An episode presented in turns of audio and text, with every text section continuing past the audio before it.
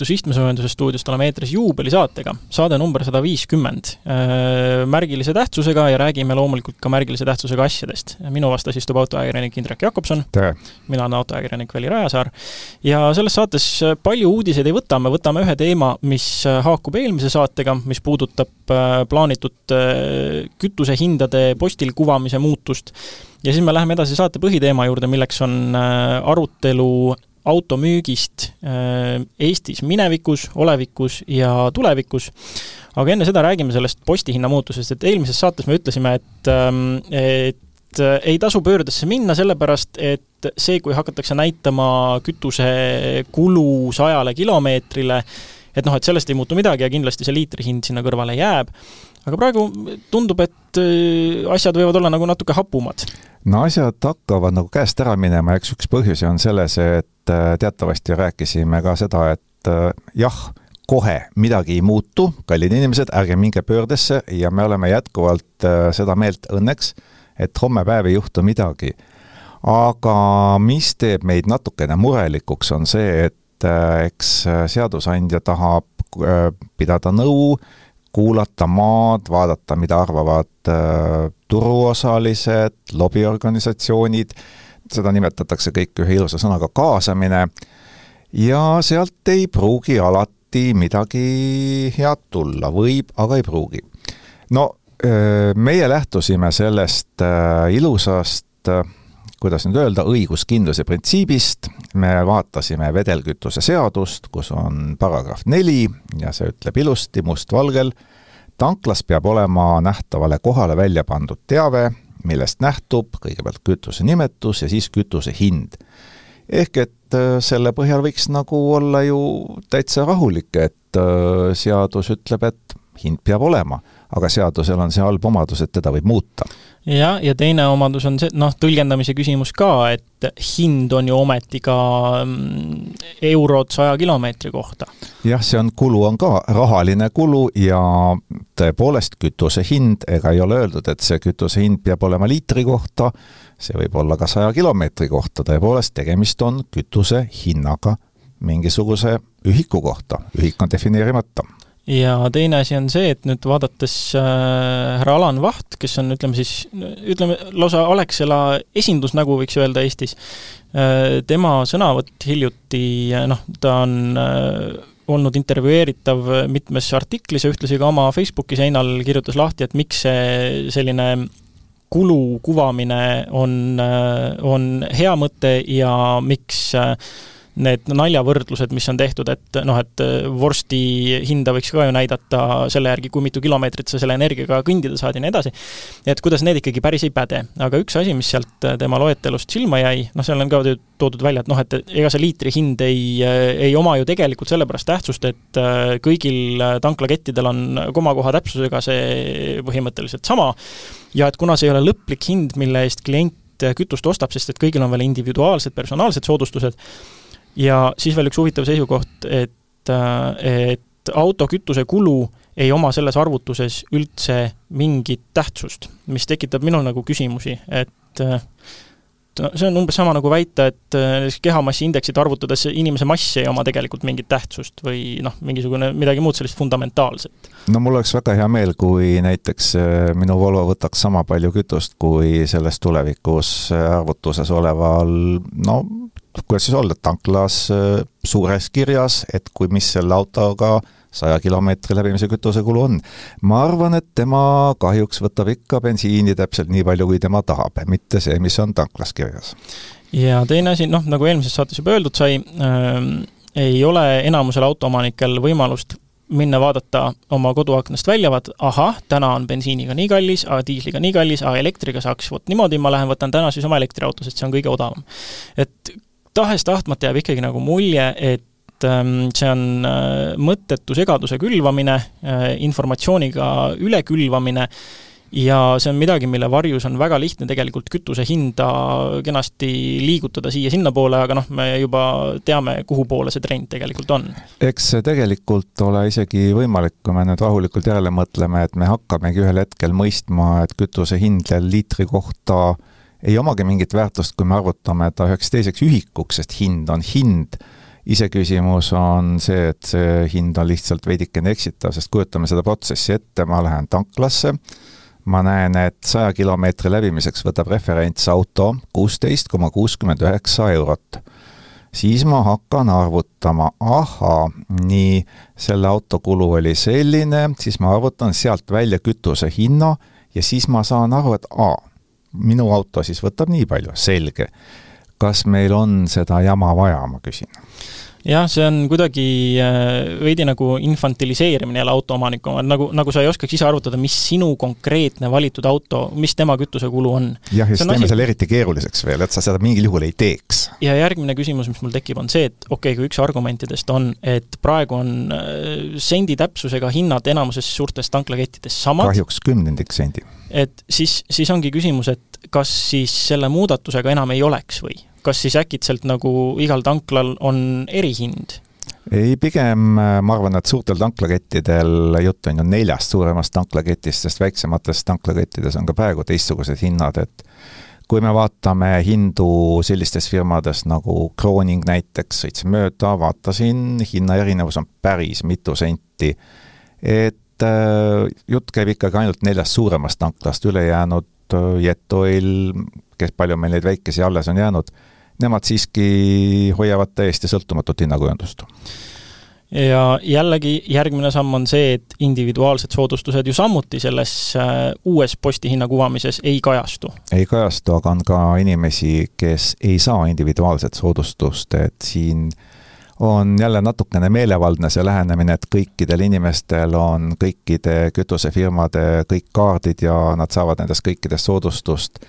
ma ei salga, et mm, minul isiklikult on tõepoolest küll viis kaarti soodustust, aga aga see on jälle see, et praegust, praegust hinnakuvamisloogikat vaadates, et sa vaatad posti otsa, sa lähed tangid ära ja see, mis kassas vastu vaatab, on meeldiv üllatus. aga noh, ütleme, kui sa saad selle soodustuse kassast pärast, on ju, teada, et noh, et siis, siis sa tead, et posti otsas on nii palju, aga kassas maksad ja saad isegi maksta natuke vähem, et pigem sa la-, nagu lahkud positiivse üllat- või positiivse emotsiooniga, kui sa selle ära teed. Ma lähen ikka kõigepealt vaatan kaugelt posti hinda, seda ma tegelikult ei ole vaja vaadata, seda ma näen kogu aeg mööda sõites, ja siis ma vaatan iga konkreetse tankla juures, mis silt seal praegu üleval on. ahhaa, Circle K miinus seitse, selge, ma keeran täna sinna. no mida ma näiteks täna tegingi. ehk et tegelikult ju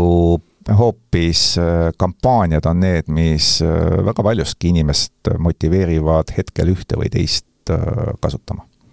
nii et lõppkokkuvõttes ikkagi võiks jääda vana hea toimiva ja sisseharjunud mudeli juurde, kus inimese vastutada on ise teada, palju tema auto kütust võtab ja oma ostuotsus selle põhjal teha, mitte jätkata ühiskonna infantiliseerimist ja mõttetu infoga ülekülvamist. ja kui veel arvestada seda, et nendele tanklas olevatele siltidele lisatakse juurde ka elektriga läbimise hinnad, siis me saame näha väga huvitavaid erinevaid numbreid, sest elektrihinnad äh, laadimisel sõltuvad kiirusest ja tanklast väga palju ühesõnaga, selle pika jutu kokkuvõtteks äh, loodame seadusandjate mõistvale suhtumisele ja kainele mõistusele. ja tänase juubelisaate põhiteema on automüük, selle minevik, olevik ja tulevik nii Eestis kui ka võime spekuleerida ka maailma tasandil. ja selles osas aitab meid ja küsimustele vastab Modera juhatuse esimees Raido Toonekurg. Äh, Modera, ma saan aru, on siis praeguse seisuga ta on alguse saanud äh, auto müügiettevõttena, aga nüüdseks on peamiseks äh, tegevusvaldkonnaks juba tarkvaralised lahendused, saan ma õigesti aru? jaa, tegelikult päris alguses oligi tehti autofirmadele veebilehti, aga nüüd me oleme jõudnud juba täisplatvormini, kus siis auto liigub, võib liikuda autotehasest kuni lõppkliendini läbi meie infosüsteemi. aga kaua sa üldse tegelenud oled sellega? mina ise olen Moderaga tegelenud üle kahe aasta, aga ettevõte ise on vanem. et ettevõte ise on juba saanud alguse aastal kaks tuhat seitse. aga ütle sellist asja, et mm, mis ta üldse on, et miks ta on ellu kutsutud või mis on tema missioon, kuidas ta maailma paremaks teeb? jaa, meie missioon on see, et viia autoinfo või auto siis äh, autotehasest kuni lõpptarbijani. Et kui me nüüd toome selle inimese keelde, siis näiteks kui te lähete Amservi kodulehele ja seal konfigureerite auto, siis selle taustal on tegelikult Modera veebiplatvorm. ja sealt liigub see päring edasi meie süsteemi, mida kasutab automüüja ja sealt teeb ta selle pakkumise, kus on juba integreeritud autotehasega, nii et me oleme see vereringe või närvisüsteem siis okei okay,, aga tuleme võib-olla kõigepealt äh, sinu enda juurde, et räägi sellest, kuidas kõik alguse sai, et auto, kas auto on sinu jaoks transpordivahend punktist A punkti B või on ta pisut enamat, räägi natukene oma auto huvist üldse, et sina, sina ja auto, mis suhe on? jaa, minu jaoks ei ole ta kunagi olnud punktist A punkti B liikumise vahend. et enne, kui ma tegelikult autoärisse sattusin, siis äh, mind võis nimetada ka alfistiks, ehk et ma olen omanud Alfa sada viitekümmet kuute ja Alfa sada kuutekümmet kuute. et äh, see on olnud ikkagi selgelt nagu ja ma arvan ise niimoodi, et enne autoärisse tulekut ma teadsin rohkem nagu autodest, erinevatest autodest ja nii edasi, et kui sa ei ole juba äris otsapidi sees, siis sa keskendud rohkem teatud asjadele. ja tegelikult veel autonduse juures, et ma olen küll lõpetanud ülikooli ja saanud kraadi, aga ametit olen ma õppinud, ainult üks amet on, on kolmanda kategooria autojuht, mille ma õppisin kes-, omandasin keskkoolis no autoentusiasti tausta mõttes ma, ma ütleks, sa oled sammu ees, Indrek, sul ei ole vist Alfat olnud, on ju? ei ole. mul ei ole ka, kõik, kõik muudkui kordavad, et sa ei ole kunagi olnud tõeline autohuvilane, kui sul ei ole olnud Alfat. seda kordavad um, muidugi ainult Alfa omanikud. jah, jah, aga kuid-, lihtsalt vaheküsimus on, kuidas sinu nagu ajalugu Alfaga oli, et kas äh, stereotüübid pidasid paika, sai rohkem remontida kui sõita või, või jäid rahule ikkagi? teate, Alfa on ka iseloomuga auto temaga peab rääkima ja hästi läbi saama. see on see, see auto iseloom on jah, tihti siin uusi autosid arvustades ka, kui midagi on niisugune kiiksuga või mitte kõige parem just, siis mõne, nagu Itaalia autode puhul mul keel alati suunab lause sinna, sinna suunda ka, et see on iseloom. jah, et ainult, kas iseloom on hea iseloom või seda ei pea alati ütlema, jah, täpselt.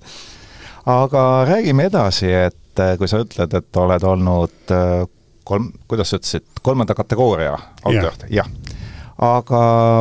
ülikooli aeg, tudengipõlv, lisateenistus, sa vihjasid, et sa oled juba siis teinud vaikselt algust autoäriga, et kuidas see käis või räägi üldse tänapäeva inimestele, kes sellest ajast nagu enam-vähem on kas kuulnud või isegi pole eriti põhjalikult kuulnud, et kuidas algas autoäri Eestis pärast äh, taasiseseisvumist? Ja tegelikult sattuski nii, et kui me ennem ka rääkisime, et kolmkümmend aastat tagasi, siis mina olin ülikoolis, majandusteaduskonnas Tartu Ülikoolis, ja sellest äh, kursusest on kasvanud välja päris palju ettevõtjaid. Ja tegelikult siis oligi see aeg, kus äh, Eestisse rändas päris palju autosid nii, et inimesed kas siis bussiga või millegi muu transpordivahendiga sõitsid Saksamaale, raha oli taskus, soetasid sealt näiteks Ford Sierra või mõned peenemad ka Saab üheksa tuhande ja sõitsid nendega siia Eestisse tagasi. ja noh, ma arvan, et päris palju meie kursuselt, ma arvan, selline kümme-viisteist inimest, kes tegelesid sellega suhteliselt regulaarselt, isegi kaks kursuse venda, nende, nende tegemistest kasvas välja selline autofirma nagu Tehase Auto, mis tegutseb siiamaani Tartus, nii et et selles mõttes, et seal jah, et meie tegime seda niimoodi käsitööna, mõned juba treileritega ja nii edasi. kui palju sa sellistel, sellistel reisidel ise käisid? Mõned korrad, et see ei olnud minu jaoks selline põhifookus, aga selles mõttes, et seal pundiga oli ikkagi lõbus seda teha. aga räägi mõni lõbusam lugu või mis on meelde jäänud sellest ajast, nendest reisidest? või no, mõni teravam elamus? no eks seal ikka oli neid äh, selles mõttes, et äh, tee peale pimedas, et kui vahepeal tundus, et mingeid autotulejasid vilgutatakse ja ja antakse märku, et siis äh, oli vaja veidi kiiremini sõita, et jõuda siis kas järgmisest piiripunktist üle või midagi sellist, nii et, et aga noh, kõik läks õnnelikult, nii et selles mõttes läks, läks hästi. ja mingit põnevamat autot, mida sa tõid või mis sorti masinad need olid, mida sa paar korda tõid? no need olidki, ütleme, mis oli tollel ajal selline mõistliku hinnaga, et oligi Ford Sierrad ja Saab üheksa tuhat üks oli, mis me tõime ja siis me läksime sellega veel Valka keretöödesse pagasniku luuki parandama ja nii edasi, kus sai, hargnesid lõbusad üritused edasi, ütleme nii et see ei olnud väga äri, aga see oli rohkem selline, käis elustiili juurde. aga kui me läheme nüüd nagu päris äri juurde või ütleme siis äh, viisakalt öeldes ettevõtluse juurde auto äh,,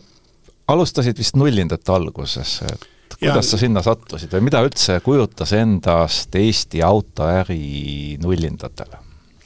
jaa, ma arvan, et siis ta oli selline palju pragmaatilisem,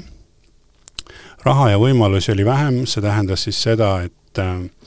kõik vaatasid võib-olla nüüd nagu praegugi, et vaatasid intresse, vaatasid võimalusi, kuidas kõik see käib, nii et osteti, osteti äh, siiski rohkem kaalutletult odavamaid autosid ja nii edasi. ja minu autokarjäär on saanud alguse Toyotaga ja see jääb sellesse aega, kui tegelikult oli veel Toyota Land Cruiser ei olnud selline väga suur hitt, milleks ta hiljem sai, et siis oli veel selline auto nagu Nissan Patrol, millega nad võistlesid, aga siis peale seda, kui hakkas see, ütleme seal kaks tuhat kuus-seitse buumiks läks kätte, siis oli ju vahepeal Land Cruiser üks müüdavamaid autosid ja siis oli ka see, et näiteks, et ähm,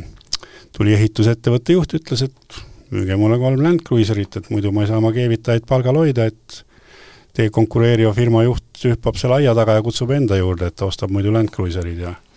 ja aga noh, siis äh, oligi see hetk, kui järgmine hetk äh, autoturg kukkus kolm korda kokku, nii et kas see kolm korda tähendab seda, et äh, müügimahud vähenesid umbes kolm korda? müügimahud vähenesid jah, et selles mõttes, et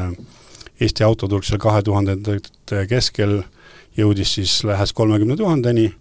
ja siis oli siis kaks tuhat üheksa aasta, kui oli see kaheksa tuhat, see number, et mul oli just, juhtus niimoodi, et aasta enne seda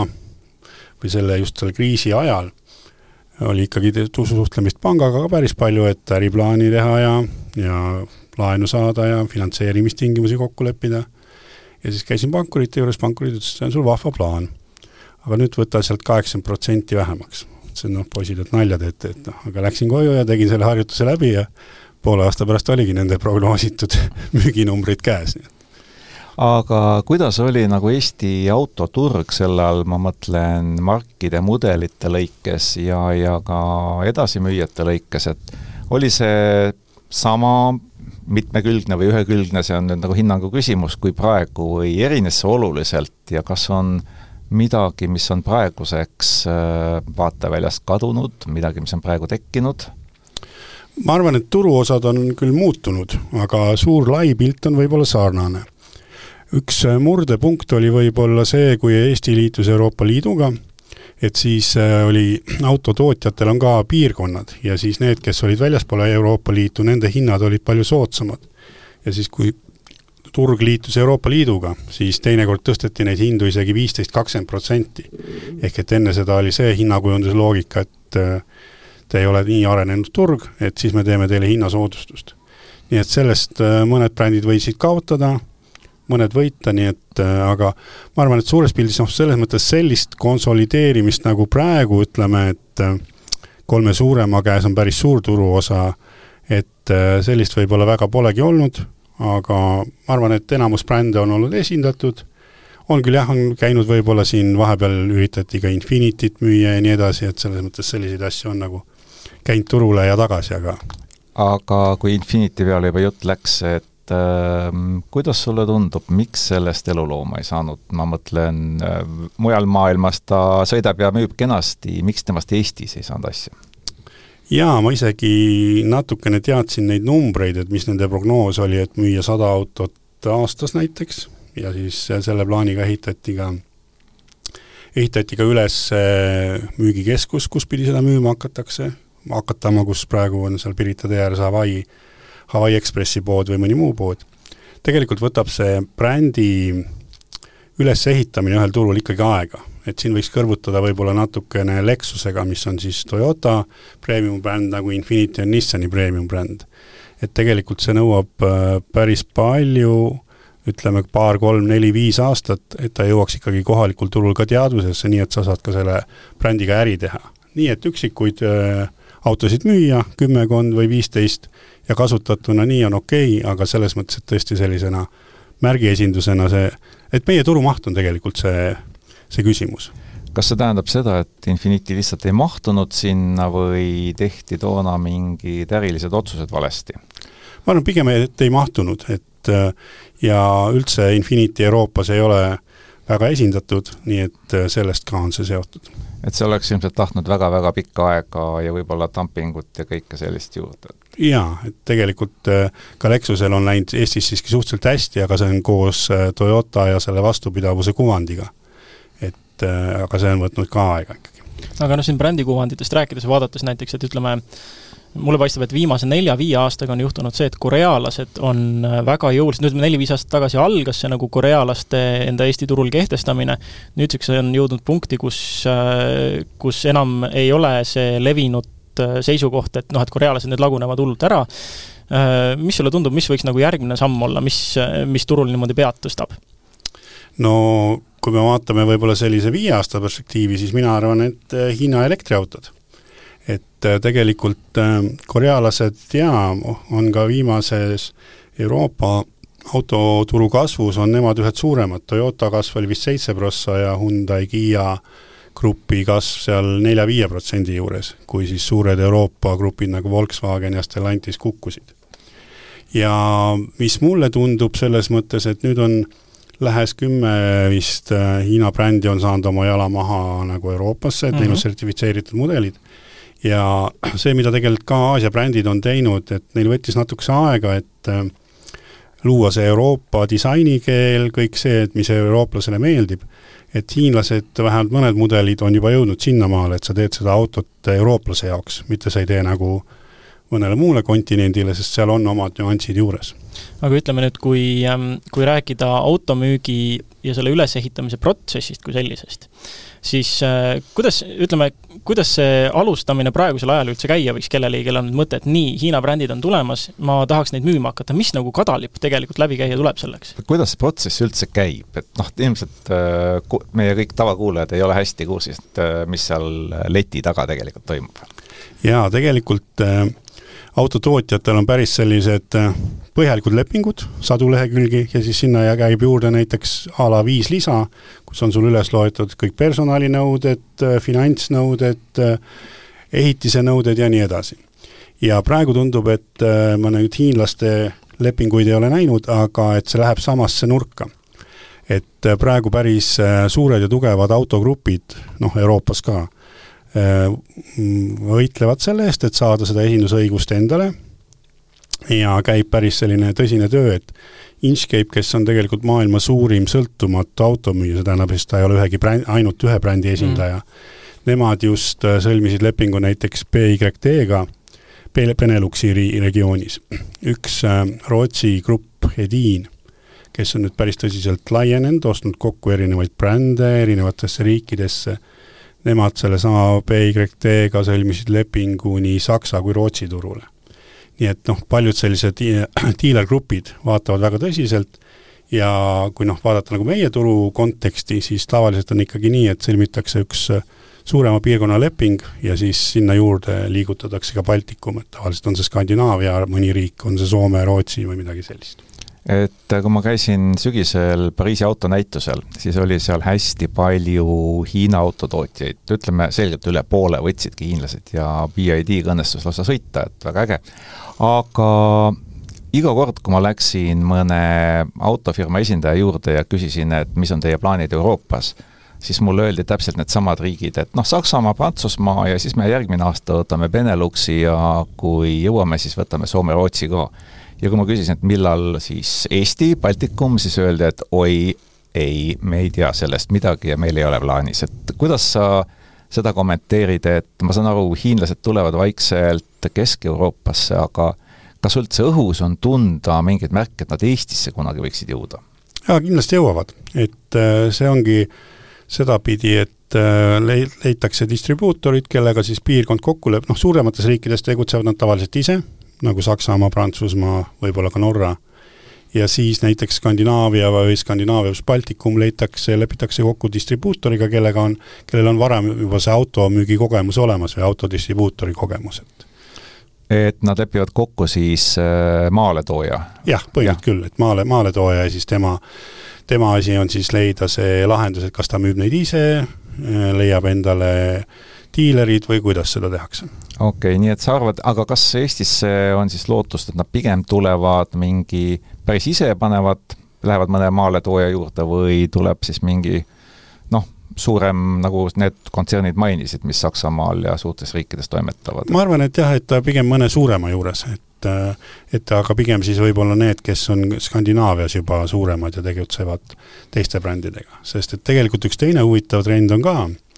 et sellised klassikalised automüüjad Mercedes näiteks on juba välja öelnud, BMW,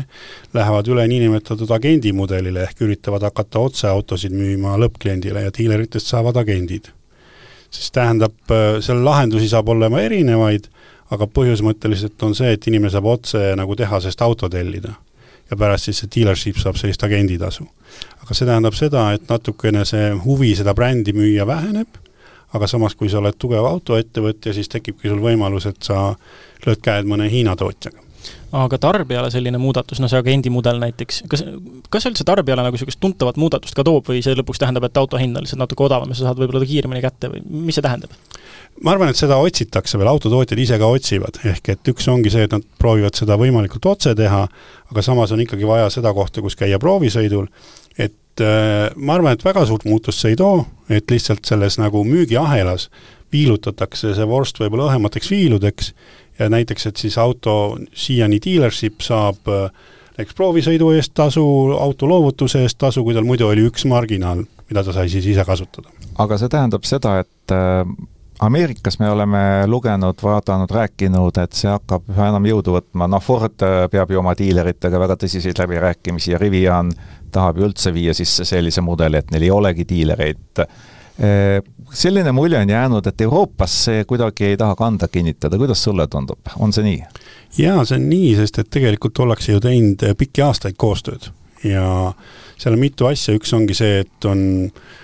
paljud autofirmad on olnud perefirmad, kellega on tehtud koostööd kümneid aastaid, aastaid ja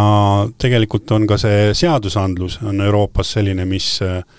mis mõneti nagu soosib ka autodiilerid, et seda ei saa nii ruttu teha kuigi nendes diileri lepingutes on tavaliselt äh, ette kokku lepitud, et äh, mis perioodi peale näiteks kahe- või kolmeaastase etteteatamisega saab lepingu lõpetada, või nad ongi näiteks viieaastased. Kui nüüd, kui sa Ameerikat mainisid, ma teeks korra ühe väikse kõrvalepõike. Äh, tausta mõttes, no ütleme, kümmekond aastat tagasi ma muudkui jälgisin ka Ameerikas müüdavaid autosid ja jäi mulje kui nagu sellisest noh, autoomaniku ja autoostja mekast, et need masinad, mis meil maksavad hullult palju, seal sai väga odavalt, ja nüüd äkitselt on situatsioon, kus Ameerikas on mingid autod, mis meil on kolmkümmend viis tuhat näiteks, maksavad nelikümmend, ja seal on peaaegu topelt, et need diilerite hinnad veel juurde, kus, mis, mis seal turul juhtunud on, et äkitselt on nii, nii juhtunud, autod on põhimõtteliselt kaks korda kallimad? Ma arvan, et seal tuleb vaadata ka natukene seda, et mis see mark ja mudel täpselt on. et äh, varemalt või noh, ütleme, ongi Aasia brändidel on olnud selgelt nagu Ameerikas äh, odavamad autod, aga see ongi, see spetsifikatsioon on palju lihtsam, ehk et äh, kui võtame näiteks Toyota Corolla või või mõned suuremad Toyota mudelid, siis Ameerikas on ta ikkagi palju lihtsam oma nii mm -hmm. sisumaterjali ja kõigelt sellelt. Ja teine, mis on olnud läbi aegade, on tegelikult Euroopa premium-brändid, Audi, Mercedes, BMW, on olnud Ameerikas selgelt äh, kallimad kui Euroopas. et ma ei oska seda täpset põhjust öelda, aga eks seal järjest ahelas tekib seda lisatavat hinda natuke juurde ja, ja nii see on. ja kuna sa enne mainisid konsolideerimist, siis nüüd tagasi Euroopasse ja just Eestisse tulles, äh, viimasel ajal on siin äh, soomlased väga palju kokku ostnud äh, Eesti esindusi, edasimüüjaid, liitnud neid endaga, et kas see võib ka kuidagi tarbijale midagi, midagi tähendada? ma arvan, et tarbijale see nii väga palju ei tähenda, et pigem on äh, see, mida selle konsolideerimisega ka otsivad autotootjad, on see, et meie piirkond on ikkagi nende jaoks suhteliselt väike. et äh, Baltikum ikkagi liidetakse mõne kas Soome, Rootsi, Norra mm -hmm. mängijaga kokku, ehk et teha selle endal oleks ka lihtsam, et nende jaoks on ikkagi ütleme isegi Skandinaavia on suhteliselt väike piirkond. et äh, tehased ise ka, et siin vahepeal nad on näiteks äh, sõltumatut importööre ostnud kas ise või müünud just ka seal Balkani piirkonnas, aga praegu on ikkagi nii, et nad ise tahavad pigem tegeleda suuremate regioonidega, kuna nad näevad, et nad oskavad seda teha. et meil on päris noh, Baltikumi kolm turgu on kolm erinevat keelt, kolm erinevat rahvust, see on mm -hmm. paras teadvus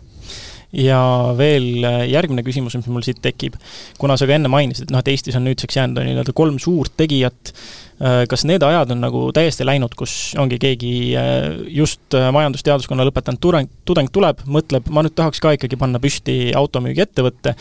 kas on üldse võimalik kellelgi uuel sellisel tulijal kanda kinnitada, umbes nii, nagu meil ongi noh, näiteks Rootsis on üks kuulsamaid autode edasimüüjaid, kes BMW-ga seotud on, on väga pikaajaline üks pereettevõte, on ju. et äh, kas, äh, kas Eestis on see üldse mõeldav või on need suured tegijad turu nii kinni tõmmanud, et keegi sinna vahele enam ära ei mahu? ma arvan, et ega väga ei ole see jah, selles mõttes ei Eestis ega ka mujal. et üks, mis võib tekkida, äh, ütleme uute mude-, uute nagu müügimudelitena, et kui keegi hakkab tõesti digitaalselt nii hea lahenduse loob, aga, aga pigem seda saab ikkagi, mina ise olen jõudnud sinnamaale, et autoturul sellist nagu disruption'it on väga keeruline teha ilma autotootjata. sest autotootjad ikkagi hoiavad seda kontrolli ja jämedat otsa enda käes, ehk et et kui sul on vaja autosid või kui sa hakkad juba piisavalt suureks kasvama, näiteks äh, sõltumatu müüjana, siis nad ei pruugi sulle näiteks nii palju müüa või rendiettevõtetele, nii et noh, tegelikult see jäme ots on ikkagi autotootja käes ja tema oskab ka vaadata, et ka no praegu on näiteks järjest rohkem ikkagi autotootjad lähevad ka rendiärisse, et nad näevad, et seal on nagu seda, et hoida klienti enda juures, see on saanud tegelikult märksõnaks. No kui nüüd märksõnadest jutt on, siis äh, võtame ette hetkel võib-olla kolm kõige suuremat ja olulisemat märksõna, mis kindlasti kõiki puudutab, üks on sõda, teine on kiibikriis ja kolmas on koroona. et kuidas need on autotööstust mõjutanud ja mis on nad nagu, mille, millised trendid on nad nagu käima tõmmanud ja millised on nad nagu ära kustutanud? jaa, et on tegelikult kõige rohkem lihtsalt ongi mõjutanud see tarneahelaid, ta algas see Covidiga ja selles mõttes sõda pani sinna veel põntsu ehk tegelikult auto tootmine on ju hästi palju olnud üles ehitatud just in time, et tuuakse sulle need õiged varuosad sinna õigesse ajaslotti autotehase ukse taha, aga nüüd, kui ahelad löödi katki, siis pidi hakkama ümber mõtlema, noh seesama Ukraina sõda, et tegelikult Ukrainast tulid päris paljudele autotootjatele juhtmekimbud ja nii edasi, nii et et ma arvan, et see pani nüüd mõtlema tootjaid, et need ahelad äh, oleksid võib-olla rohkem dubleeritud ja samas, et, et võib-olla uuesti mõelda ka laolahenduste peale, et äh, ei ole päris sealjuures, aga kindlasti sealt omad järeldused tehti no aga just in time ei mõeldud välja selleks, et aeg igav oli ikka sellepärast, et äh, kulusid kokku hoida ja protsessi optimeerida, mis lõpptulemusena hinnas väljenduks. kas sellest äh, printsiibist loobumine tähendab nüüd seda, et vaikselt on põhjust jälle hindu tõsta, hinnad on tõusnud niikuinii, aga et kas see võib olla üks põhjus? Ma arvan, et päris ei loobuta sellest just in time'ist, aga hinnad äh, kerkivad kogu aeg, tundub niimoodi, et äh, et ka üks tuttav ütles just, et tema pole veel näinud, et uue auto hind langeks, mis on ilmselt ka, ilmselt ka täitsa tõde. nii et äh, kindlasti on selles mõttes see, et kuna maailm on maailm on muutumises, siis need hinnad tõusevad. aga nagu me nägime siin just hiljuti, Tesla kukutas hindu ehk et tegelikult ongi ka siin kohalikul turul, aga muus maailmas on intresside tõus, nõudluse väike langus, et eks see on turumajandus ja eks see auto hinna paneb ka ikkagi paika. no aga siit tulebki nüüd mängu Modera, et äh, mida nemad siis muuta tahavad selles suures äris, et noh, auto tootmine, autode müük on olemuselt globaalne äri ja ja kas seal on üldse vaja midagi muuta ja kui, siis mida ja, ja miks Moderal peaks üldse nagu seal hästi minema? jaa, no tegelikult äh, auto müük, auto tootmine, auto müük on olnud ikkagi selles tehnoloogia mõttes suhteliselt tagurlik, ehk et autotootjad on ikkagi sedasama mudelit, kus klient peab minema autopoodi, autot valima, rakendanud, ütleme, laias laastus sada aastat. Ja nüüd mina tunnen küll seda, et on see hetk, äh, kus saadakse sellest aru, et sa lähed ise rohkem kliendi juurde, nii digitaalses kanalis kui ka muus seesama hiinlaste näide, et Saksamaal üks firma AI Waze, kellel on Saksamaal kontor ja nad müüvad ka üle Euroopa, aga Saksamaal on nad ise ja seal näiteks Euronixi poes saad käia sellesama autoga proovisõidul. ja ma küsisin ka nende käest, nad ütlesid nelikümmend proovisõitu nädalas Euronixi poe kohta. Et kas siis autod on poehoovil või? jah, autod on poehoovil ja auto ja need äh, müügiinimesed on välja koolitatud seda proovisõitu tegema ja noh, seal on lepitud kokku oma skeem, palju ta selle ühe proovisõidu eest raha saab. ja tegelikult noh, ongi, et see, kus inimene käib, et sinna minnakse. ja nüüd tulles tagasi Modera juurde, siis äh, meie aitame digitaliseerida neid lahendusi, et seesama nüüd börsiettevõte ja mõned infod on päris konfidentsiaalsed, aga selle me ütlesime börsiteatena välja, et ühele autotootjale me tegelikult digitaalselt ehitame sedasama agendi mudelit. me kahjuks nime veel ei saa öelda, kui see läheb nagu nimetatud laivi, siis me saame seda öelda. aga jah, siin mõned äh, suuremad autokontsernid on ka öelnud seda, et tegelikult automüük liigub siis digitaalsesse kanalisse, kui see kanal saab olema nii hea, et inimene tahab seda kasutada, et jõuga sinna ei saa suruda. ja noh, tegelikult on ikkagi kogu see info integreerimine ja see, et ta jookseks nagu tüüpi tõesti autotehasest kuni lõppkliendini sujuvalt, noh seal taustal on päris palju tööd, et kui seal sees olla, siis sa tead seda, peale vaadates tundub, et see võiks olla väga lihtne no ma arvan, tuhat seitsesada inimest Eestis ja vist natukene väljaspoolgi tahavad teada, et eh, okei okay,, te teete selle lahenduse valmis, teil on leping, te müüte selle maha, kui skaleeritav see on? jaa, me juba oleme skaleerunud, et Eestis, Baltikumis on meie turuosa viiskümmend protsenti ja praeguseks äh, tuleb meie tulu kolmeteistkümnest erinevast riigist. nii et äh, meil on jah, erinevaid tooteid ja seesama, selle ühe autotootjaga, kellega me töötame, siis praegune esimene turg on üks Euroopa turg,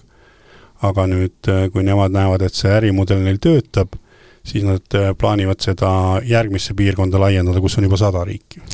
jutt oli küll Austraaliast ja Modera laienemisest klientidest Austraalias, kas see on kinnitatud jutt või see on jaa, see, selles mõttes, et meil on seal äh, kliendiks MG Austraalia, kellele siis me ka online lahendust, ütleme, praegu on ta pilootfaasis ja siin järgmisel kvartalil läheb laivi ja seal on äh, neil kaheksakümmend diilerit, nii et praegu me ehitasime maaletooja lahenduse ja siis äh, sama diilerite veebsaidid pluss e-kommerts ja kõik sellised lahendused. ja nüüd detsembris näiteks oligi Austraalia turul seesama MG möödus müüginumbritest Hyundai'st ja Mitsubishist, jõudis turul viiendale positsioonile. nii et äh, me paar saadet tagasi viskasime nalja, et MG vana Hiina bränd, et äh, tuleb välja, et on edukas Austraalias, kui nad juba niivõrd tugevalt korealasi suudavad lüüa. jaa, mitte ainult Austraalias äh,, Euroopas nad kasvasid eelmisel aastal viiekümnelt tuhandelt saja kuuele tuhandele ühikule elektriautode müügis ja nemad on selles mõttes teinud, ma ütleks suhteliselt nutikalt, et ostsid selle MG brändi ära ja siis nad juurutasid kaks nagu sellist mudelirivi, üks on siis elektriautod, mis on suunatud rohkem Euroopale ja teine on siis sellised vanemad bensiinimootorid, mis on siis suunatud äh,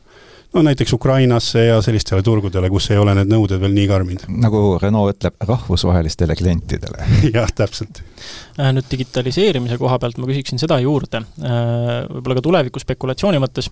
äh, see digitaliseerimine on, ütleme, niisugune aasta-kaks on ta päris aktuaalne olnud igasuguses automeedias juba jutt sellest, kuidas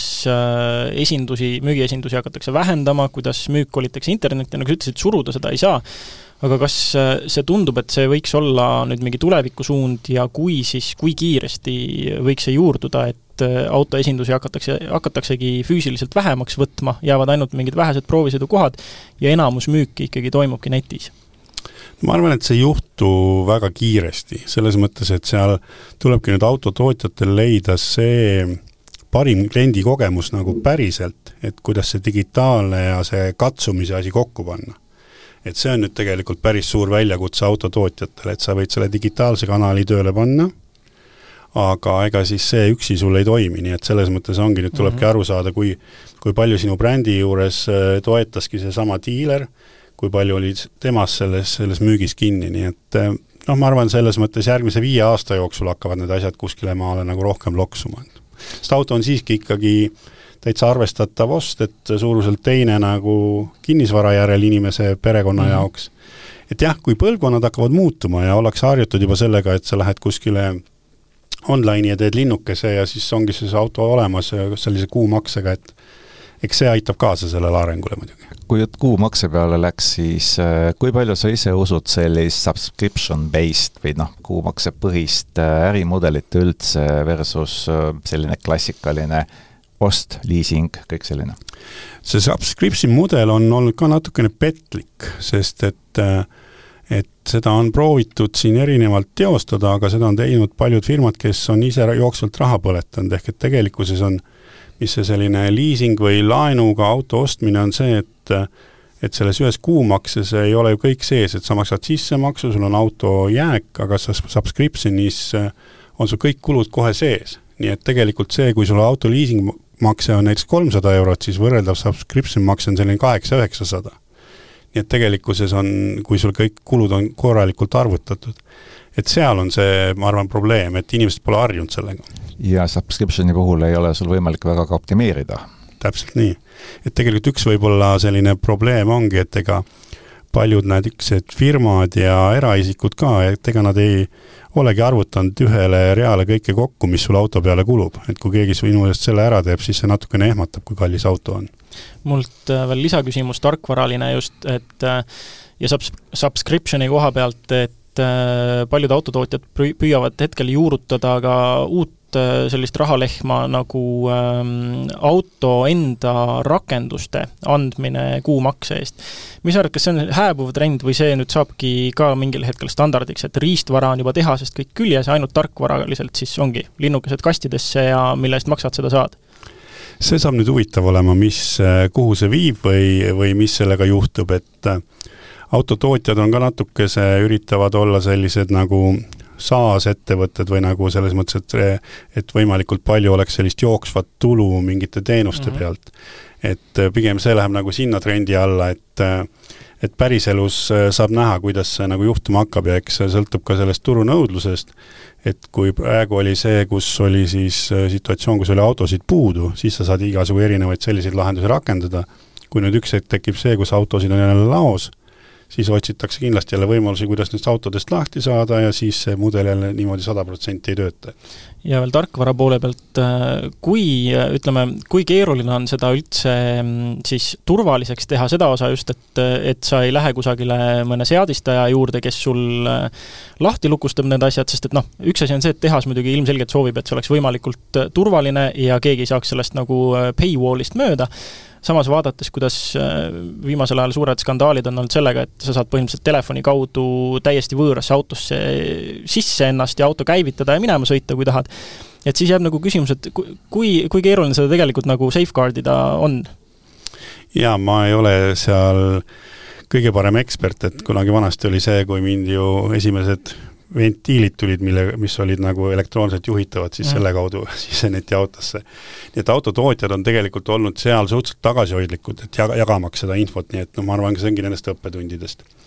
aga kindlasti on see võimalik, et lihtsalt pigem on see nagu ka turu, turupiirkonnad. ehk et seda pigem nähakse, ma arvan, selles mõttes arenenud turgudele, et teatud turud öö, nagu siin Aafrika või Venemaa, seal ongi, sinna nad ei hakkagi seda pakkuma, sest et ta on pigem selles mõttes selle elanikkonna elatustaseme ja kõige sellega seotud. et siis äh, läbi selle, selle, et sul on võimalik teenuseid tellida, sa oled ühendatud autoga, tekib sul ka mingit lisaväärtust. et selles mõttes, et see, kelle jaoks on see rahanumber kriitiline, et siis äh, pigem autotootjad äh, piiritlevadki nende piirkonnad ära, kus nad neid teenuseid pakuvad ja kus mitte. no me mõtlesime ennekõike selles võtmes, et tegemist on ju omahinna kalkulatsiooniga puhtal kujul, et üks asi on see tarkvara, see tehakse ükskord valmis, selle noh, paljundamine erinevatesse autodesse ei ole väga keeruline, väga kulukas, aga kui autosse on vaja paiga, paigaldada reaalne riistvara, eks ole, mis siis seda tarkvara põhjal töötab, olgu see või istmesoojendus, mis on täiesti füüsiline asi, et eh, noh, kas see tasub ära, on see küsimus, et pigem on ikkagi seal need lahendused see, et sul nende asjade puhul, mis sul on ikkagi eel installeeritud, et mingeid asju, mis sul on tagantjärele ikkagi kulukam äh, paigaldada, nendele ma arvan, ei hakata seda rakendama. ja pigem ma arvan, et autotootjad tahavad ka aru saada, kas see üldse töötab või mitte, see lahendus, et nii et me oleme testifaasis praegu? absoluutselt, ma arvan, et autotööstus on praegu väga mitmetes testifaasides, et seesama elektriautondus ja kõik muud nagu mudelid, et selles mõttes on nagu ma küsin veel nüüd Modera kontekstis seda juurde, et äh, Äh, tagasi selle digitaalse müügi juurde tulles, äh, mõned tootjad on hakanud kasutama sellist lahendust, et kui neil ei ole esinduses autot, siis sa saad telefoni tõmmata rakenduse ja see kuvab sulle läbi telefonikaamera siis 3D mudeli sellest autost. kas te ka midagi analoogset ise arendate juhuslikult? ei, me seda praegu ei arenda, et me kunagi oleme teinud erinevaid nagu showroom'i lahendusi ja sellist poolt, aga jah, see, see, see ei ole praegu meie perspektiivis. Aga kui populaarseks need showroom'i lahendused muidu osutusid, et kas äh, see võib olla üks selline tuleviku, kuidas öelda, trend? tähendab, seal on nagu kaks osa, üks on see, et mida me oleme teinud, on siis, äh, et sul on autosalongis, on sul nii iPadi kui televiisori ekraani peal, siis saab müügimees nagu näidata seda ja teine nüüd on, mida praegu juba mõeldakse, on see, et inimene on siis ise oma ekraani taga ja müügiinimene on teise ekraani taga, et noh, näiteks on seesama video, videochat ja mingid sellised lahendused, mis me oleme tööle pannud. et ma usun, et see nagu läheb rohkem äh, hakkab kaubaks minema, et äh, inimene on oma kodus või kuskil, ta vajatab autot ja siis ta saab selle äh, müügiinimese võtta endale kõrvale, et siis küsida vajalikud küsimused, et see aga suhtlus ikkagi toimib? Ja ma arvan, et suhtlus ikkagi jääb alati, et selles mõttes, et äh, et nüüd ongi, mis ilmselt ka ühe, ühes ajahetkes tuleb, et äh, et võib-olla lihtsamatele küsimustele õpetatakse robotid vastama, aga aga seal ma ka ei oska nüüd öelda, et kus saab sellel robotil mõistus otsa, et äh, vastata inimese huvitavatele küsimustele auto kohta nüüd üks teema, millest me suhteliselt vähe saates rääkinud oleme veel siiani, on äh, elektriautod. ei saa tegelikult üle ega ümber neist, äh, alustaks sellest elektriautode olevikust. et praeguse seisuga elektriautode hinnad on meeletult kallid, aga muudkui üritatakse lohutada, et jaa, need võrdsustuvad ikkagi sisepõlemismootoritega autode ja hübriidautode hindadega, aga praeguse seisuga tundub, et need võrdsustuvad siis tarbijale vales suunas, ehk et hübriid- ja sisepõlemismootoriga autod lähevad lihtsalt kallimaks ja püüavad elektriauto hinna kinni. kas see on mingi hetkeolukord või, või see jääbki nii? seda on raske öelda tegelikult, et äh, ma arvan, et siin jälle see turunõudlus paneb natukese paika. et äh, selle elektriautodele aitas siin hübriid- ja bensiinimootoriga autode hinnal kasvada see, et tegelikult oli autode defitsiit nüüd, kui enam defitsiiti ei ole ja nõudlus on natuke väiksem, siis ma arvan, et ja noh, juba on praegu ka Eesti turul näha mõningaid hinnakampaaniaid, et on siin viis tuhat juba mõni auto soodsam ja seitse tuhat. et jah, et üks nägemus on autotootjatel see, et et tavaauto hinnad, mitte elektriauto hinnad lähevad samasse suurusjärku, samas see ei ole vähemalt praegu siiski jätkusuutlik et siis saaks hakata tekkima selline kasutatud autode järelturg ja siis see jälle ei aita sellele kaasa, et me peaks autosid vahetama elektriautode vastu. nii et äh, ma arvan, et siin tegelikult seesama Hiina elektriautode, kelle hinna, hinnatase on ikkagi madalam, aitab äh, tuua ka ütleme siin Euroopa autotootjad teisele tasemele. no kui Hiina autotootjatest veel rääkida korra, siis äh, noh, MG ei ole Eestis ju esindatud, aga kui hinnata korraks nende autode kvaliteeti tervikuna, et meie oleme siin Eestis ju näinud, mida, Ceres kolme ja emotsioonid ei ole olnud maailma parimad. kuidas hiinlased tervikuna, no see on väga suur üldistus muidugi, me ei saa rääkida Hiina autost, Saksa autost, aga proovime sellise üldistuse teha, kuidas nad on? kas nad vastavad Eesti tarbija nõudmistele ja ettekujutustele? ma arvan, et seal on nagu tootjad ise on erinevad, et kes mis hinnaklassi taga ajab ja mida pakub. et seesama ai Waze, mida ma ise ka mainisin, et tema mudel kuus oli just Saksamaal värskelt niimoodi katte all ja see tundus väga viisakas. nii et ma arvan, et seal ka kujunevad sellised hinnaklassid välja. nüüd kvaliteedis on ka see, et seal on, on ju, üks on vastupidavus ja teine on selline nagu materjalide kvaliteet et äh, see ilmselt selgub ka teatud aja jooksul. mis on võib-olla isegi veel nagu selline keerukam, on see, et osad Hiina mudelid on selles mõttes visuaalselt ja disainilt veel sellised, mis nad, mis ei ole võib-olla meie turu jaoks kõige sobivam. aga ma usun, et äh, see areng tuleb päris kiire, et äh, et mida tegelikult tavaautotootjad väga ei räägi, aga hiinlased väga selgelt rääkisid, et nende eesmärk on ikkagi see, et noh, näiteks, et salongis juhi ümber on sul äh, väga kvaliteetsed materjalid, see, kus ei ole paista, seal kasutatakse odavamaid materjale, noh nii see käib äh, kogu autotööstuses. aga nad on nagu selles mõttes sellesse panustanud päris palju, et sellest aru saada ja sellele nagu rõhku panna aga kui me nüüd läheme päris selle võtmeküsimuse juurde, et aasta kaks tuhat kolmkümmend kuus ja siis me saame rääkida ainult müüdavatest elektriautodest. Missugune näeb autoäri välja sinu hinnangul aastal kaks tuhat kolmkümmend kolm, kui meil on juba selline eelõhtu ärakeelamise ja võib-olla aasta kaks tuhat kolmkümmend kolm, no isegi kolmkümmend kuus, et äh, mis juhtuma hakkab, et inimesed ju tegelikult päris palju pelgavad seda aega ja erinevaid legende on liikvel ja natuke kardetakse, et kuidas sulle tundub, mis, mismoodi see meie tänavapilt hakkab välja nägema? Mina arvan seda, et sinna aastani kaks tuhat kolmkümmend kolm või kolmkümmend kuus on veel päris palju minna. ja lähema viie kuni seitsme aastaga me hakkame alles aru saama, et kus ollakse nende elektriauto eesmärkide ja müügiga mulle meenub, ma arvan, et see oli aasta kaks tuhat üksteist, et see CO2 eesmärkide tagaajamine autotööstus on käinud kogu aeg. ja riikide puhul on äh, Saksa tootjatel on suuremad CO2-d olnud, Prantsuse, Itaalial väiksemad. Ja siis oli aasta vist kaks tuhat üksteist ja ka Iirimaa oli Euroopa Liidu eesistuja ja lepiti järgmiseks viieks aastaks kokku neid CO2 äh, eesmärke. juba oli jõutud nii kaugele, et pidi minemagi hääletamisele. Iirimaa oli see aeg eesistuja ja eelmisel õhtul siis Angela Merkel helistas iirlastele ja siis see teema võeti ajakavast ära nii et äh, mina usun veel sellesse, et me näeme siin, võime näha erinevaid muutusi, et kuidas see reaalsus hakkab juhtuma ja siis alati saab ju neid äh, asju ümber vaadata. no teatavasti kaks tuhat kakskümmend kuus vaadatakse ametlikult need äh, eesmärk viiskümmend viis või Fit for fifty five eesmärgid ümber, et kas sa arvad, et sinna on mingeid muudatusi oodata, loota? ma arvan, et selles mõttes seda ikkagi püütakse hoida, et äh, alates kaks tuhat kolmkümmend kuus enam mitte registreerida uusi sisepõlemismootoriga autosid. Ja nüüd on ikkagi autotootjad ise võtnud ka selle suuna, et nad on selle aktsepteerinud, nii et nüüd läheb pigem, ma arvan, selles mõttes selleks võidujooksuks, kes suudab äh, selleks ajaks või noh, mitte ainult selleks ajaks, vaid siin järgneva kümne aasta jooksul tulla heade mudelitega, mis on ka hinnas konkurentsis no hinnakonkurents on üks asi, aga kuidas sulle tundub, kas auto kui selline kahekümne, isegi ütleme viieteist aasta pärast, kas meil on sama palju autosid tänaval üldse? Või kas juhtub selline asi, et järsku ostetakse kaks tuhat kolmkümmend kolm kogu maailmast kõik sisepõlemismootoriga autod Euroopasse, et selleks valmis olla, või vastupidi? jaa, ega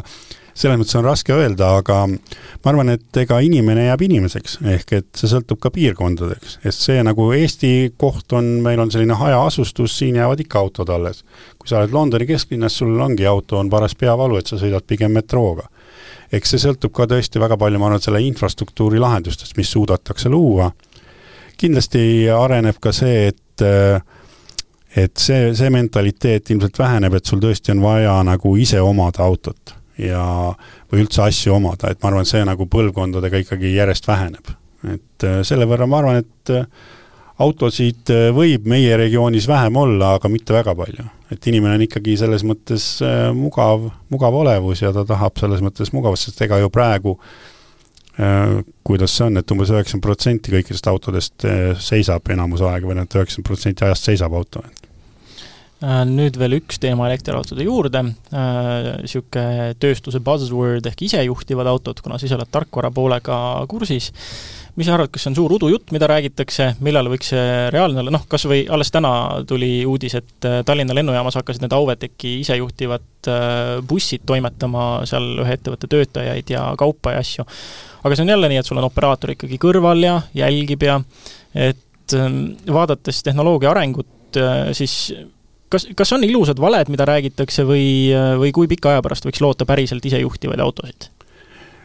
Üks inimene, kes natuke teab rohkem nendest isejuhtivatest autodest, tema ütles ka selgelt, et piiratud äh, kohtades, nagu näiteks lennuväljad ja mm -hmm. sellised, et seal see kindlasti tuleb suhteliselt kiiresti. nüüd see aasta alguses olnud äh, CES tehnoloogiamess USA-s, seal nüüd äh, kas see oli siis Automotive News või oli see keegi teine, kes ütles välja, et seal oli selgelt sõnum, et autotootjad kiirelt ei fokusseeru selle isesõitmisele, sest et nüüd fokusseeritakse selles mõttes järgmisele viiele aastale, mis on siis kas elektrifitseerimine, automüük, et äh, sealt tuli küll minule sõnum, et äh, see ei ole nagu hetkel prioriteet number üks, ehk et reaalsus koputab rohkem uksele, et sa pead tegelema sellega, et kuidas praegusest edasi liikuda ja needsama elektrifitseerimise, kõik need asjad ära lahendada. nii et meil ei ole mõtet selles suhtes muret tunda, et kümne aasta pärast ei ole juhilube enam vaja? Ma arvan küll, et selles mõttes, et seal on hästi palju mitte nagu tehnoloogia probleeme, et seesama noh, programmeerija peab äh, kirjutama valemisse, et kellele auto sõidab otsa, kas kaheksakümneaastasele või kolmeaastasele. ja meie vestluse lõpuks küsin viimase küsimuse, et äh, oskad sa öelda need mõned tegurid või on neid üks või neid ei olegi, mis on veel need game changer'id, mis hakkavad mängu muutma siin autoturul, automaastikul Eestis millest me juba rääkinud ei ole või neid ei olegi? mina arvan, et tegelikult äh, tuleb ikkagi rohkem fookusesse võib-olla seesama kasutaja või inimene, ehk vahepeal on mindud võib-olla väga palju lendu, on olnud palju raha, startup indus, kõik see on äh, genereerinud erinevaid huvitavaid ideid, et ma arvan, lähema võib-olla viie aasta jooksul tullakse natukene maa peale tagasi ja tegeldakse sellise nagu reaalsusega rohkem ja mis inimesele võiks pakkuda lisaväärtust ja selline oli siis meie juubelisaate arutelu automüügi minevikust, olevikust ja eelduslikust tulevikust. eks me siis umbes viieteist aasta pärast vaatame, kui palju, kui palju täppi läks, teeme võib-olla jälle mõne kokkuvõtva saate, kui me sel ajal veel sellega tegeleme. seniks aga suur aitäh, Raido, et sa meiega rääkisid ja aega leidsid! suur tänu! ja loodan, et kuulajad kuulavad meid ka järgmine kord, aitäh! Kuulmiseni! Kuulmiseni!